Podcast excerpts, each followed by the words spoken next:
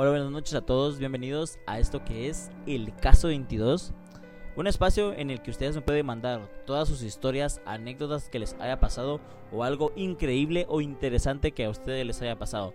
Así que vamos a comenzar.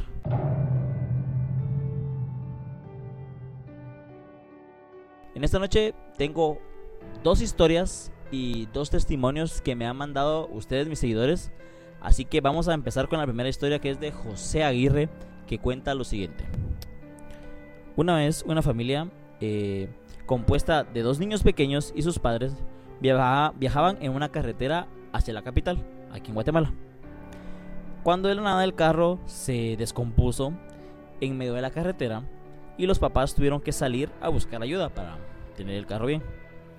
Y para que los niños no se aburrieran, les dejaron encendida la radio. Cabe recalcar que esto pasó hace 10 años. Cayó la noche y los padres seguían sin volver cuando escucharon una inquietante noticia en la radio que decía, un asesino muy peligroso se había escapado de un penitenciario que iba que estaba cerca de la ciudad capital, de aquí donde vivimos nosotros, y pedían que tomaran extremas precauciones porque él estaba suelto y era muy peligroso. De pronto los niños que estaban adentro del carro empezaron a escuchar golpes en la cabeza del carro, o sea, en la parte de arriba, así como tac, tac, tac. Los golpes parecían provenir de algo que golpeaba la parte de arriba del carro y cada vez eran más fuertes y rápidos. Los niños, aterrados, no pudieron resistir más y abrieron la puerta del carro y salieron corriendo. Sin embargo, el mayor, el, el mayor de estos niños se atrevió a girar la cabeza hacia atrás para ver qué es lo que provocaba esos golpes. Y lo que vio fue a un hombre muy grande que golpeaba la parte superior del carro. La verdad es de que a mí, yo me voy a poner el papel del niño. Si yo fuera este niño, la verdad es de que yo sí voltearía a ver atrás. Pero qué decisión, porque la verdad es de que, o sea, qué valiente. Yo la verdad voltearía a ver atrás porque yo soy una persona muy atrevida, pero en mi vida, en mi vida, si fuera más pequeño, me atrevería a voltear a ver atrás porque yo no sé lo que está arriba del carro. Puede ser un animal o como puede ser este asesino que probablemente es lo que estaba arriba de este carro. Así que vamos a pasar con un los siguientes dos testimonios porque tengo una historia muy buena y larga que va a ser para el final. Vaya a haber un corte.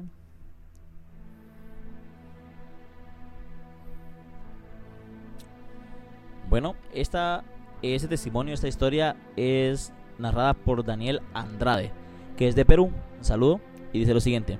Dios los bendiga a todos. Y dice, bueno, nací en un hogar cristiano, pero según fui creciendo y siendo joven, eh, nunca, negué a Dios. Hasta que una de estas me enojé con Él por unas circunstancias y me alejé. Hasta que me detectaron una enfermedad incurable y lo único que vino a mi mente fue quitarme la vida.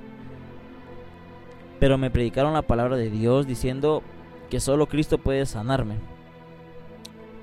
Fue un amigo que me insistió mucho y mucho hasta que en una noche estaba a punto de quitarme la vida porque yo sabía que iba a morir de igual manera.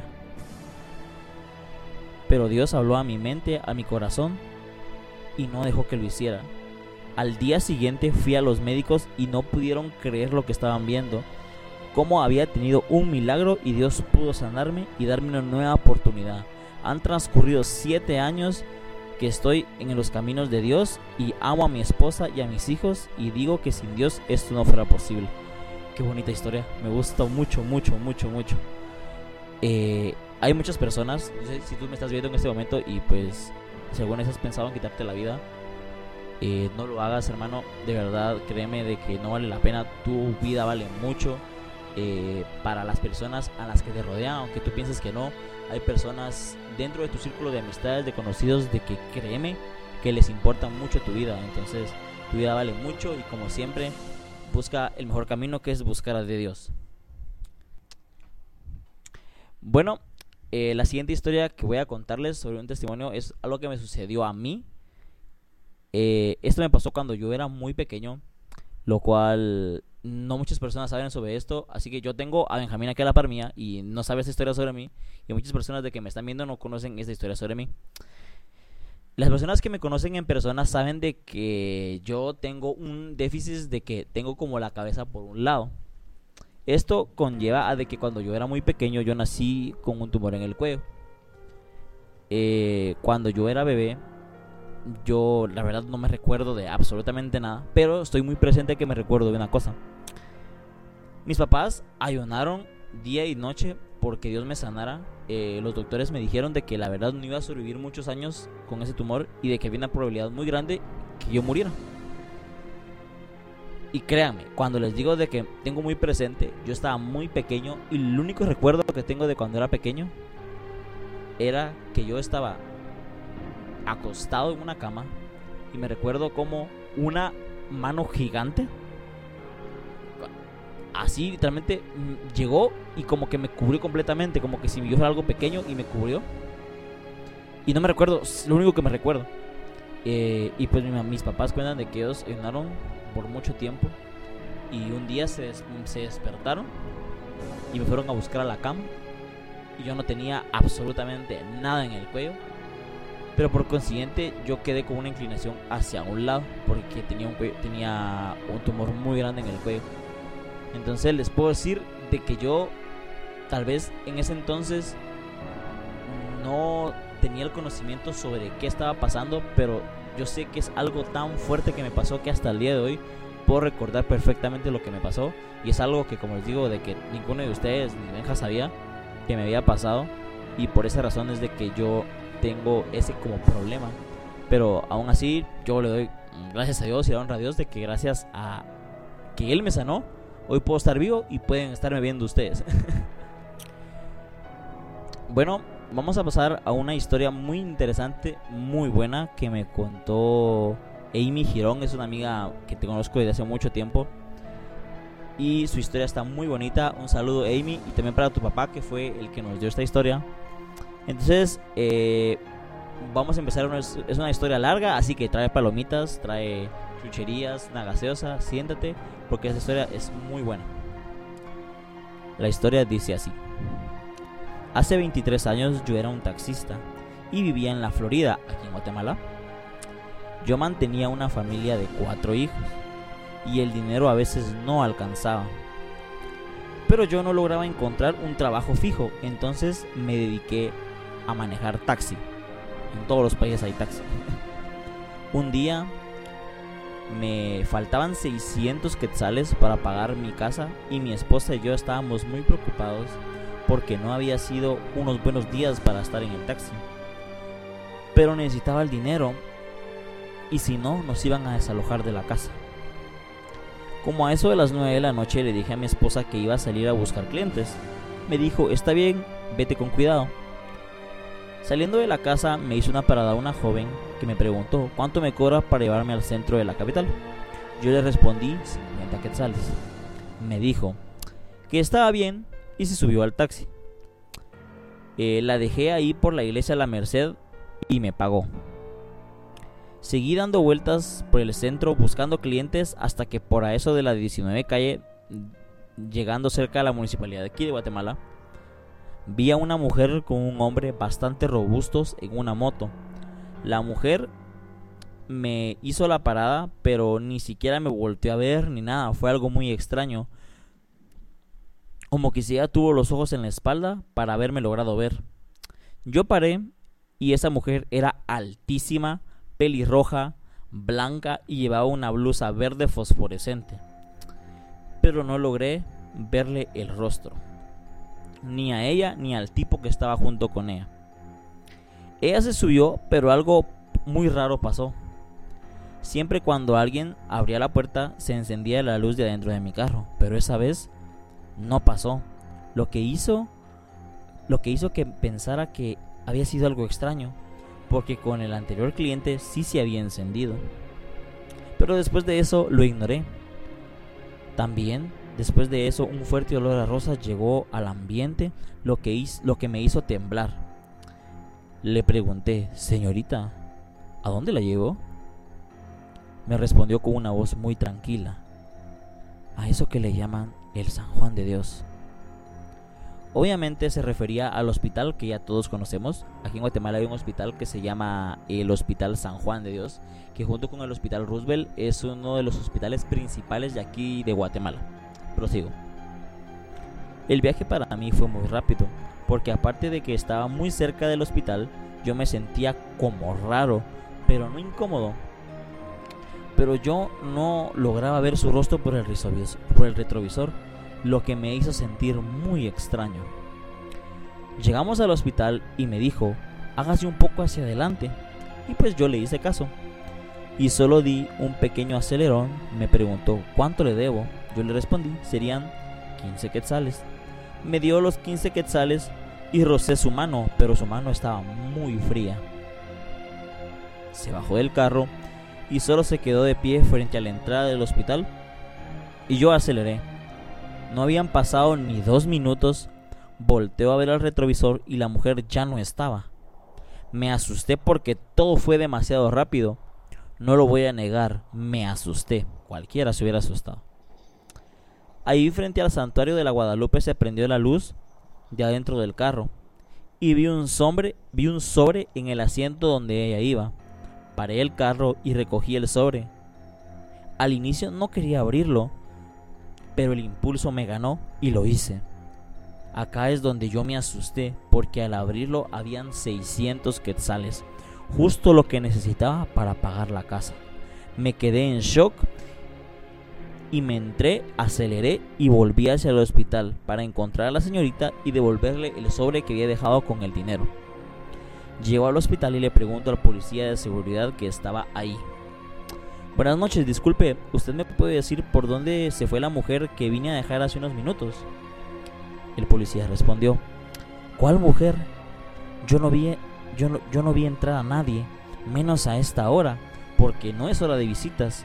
Mire qué hora es. Disculpen por la palabra, porque me voy a emocionar, pero literalmente me morí del miedo. Yo seguía insistiéndole al policía que me dijera y, él me seguía respondiendo que no, que no había entrado en ninguna mujer y que no había eh, visto ninguna mujer a como yo se la describí. Yo me subí en el carro y me fui directamente a la casa. Sentía que mi cuerpo no estaba respondiendo correctamente, pero aún así llegué a la casa y tiré el sobre en la mesa. No quise tocar más el sobre hasta la mañana siguiente. Cuando revisé dentro de los billetes decía Hospital San Juan de Dios, para quien lo necesite.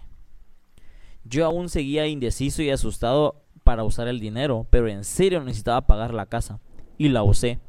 Esa misma mañana llamé, llamé, a mi mamá para contarle lo que había pasado y me dijo, yo a esa hora estaba despierta y acá en la casa sentía un olor fuerte y rico a rosas, el mismo olor que yo sentí cuando la mujer se subió en el taxi. Para que me lograra sentir más tranquilo me dijo, mijo, los ángeles cada vez que hacen presencia acá en la tierra vienen a ayudarnos. Y son como seres tan puros que transmiten olores a rosas o a incienso. Los representan y no vienen a hacernos daños. Yo aún sigo pensando en eso y finalmente acepté que ella había sido un ángel mandada por Dios, pero no voy a negar que me asusté. Madre mía. Wow, qué historia más bonita y qué historia también más... O sea, pongámonos en el papel de el señor que está en el taxi.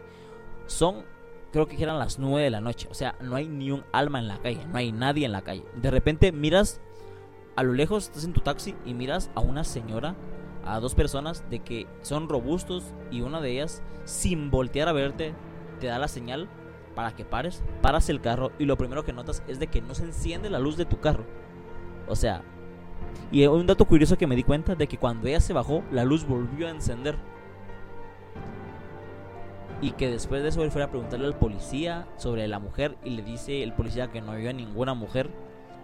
Esto me recuerda mucho a una historia japonesa, no me recuerdo muy bien el nombre de, de esta historia en la que en Japón hay una leyenda urbana de una mujer de que para a los taxistas o a cualquier trailero, creo que también en muchos países hay, eh, el trailero para para que la señorita se pueda subir y cuando la señorita se sube, eh, el trailero se pone a hablar con ella y cuando miren el retrovisor ve un muerto o ve una mujer fea y el, la persona que está en el carro se descarrila y muere.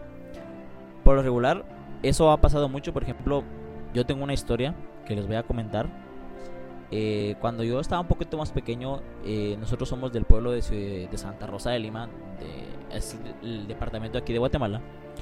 Y pues nosotros teníamos que regresar a la capital porque nos habíamos ido de viaje. Pero nosotros íbamos a salir a las 4 de la mañana. Nosotros íbamos en el carro con mi mamá, mi papá y mi tío, que era el que llevaba ese carro en ese entonces. Y yo también iba despierto. En eso íbamos en la carretera, no había nadie.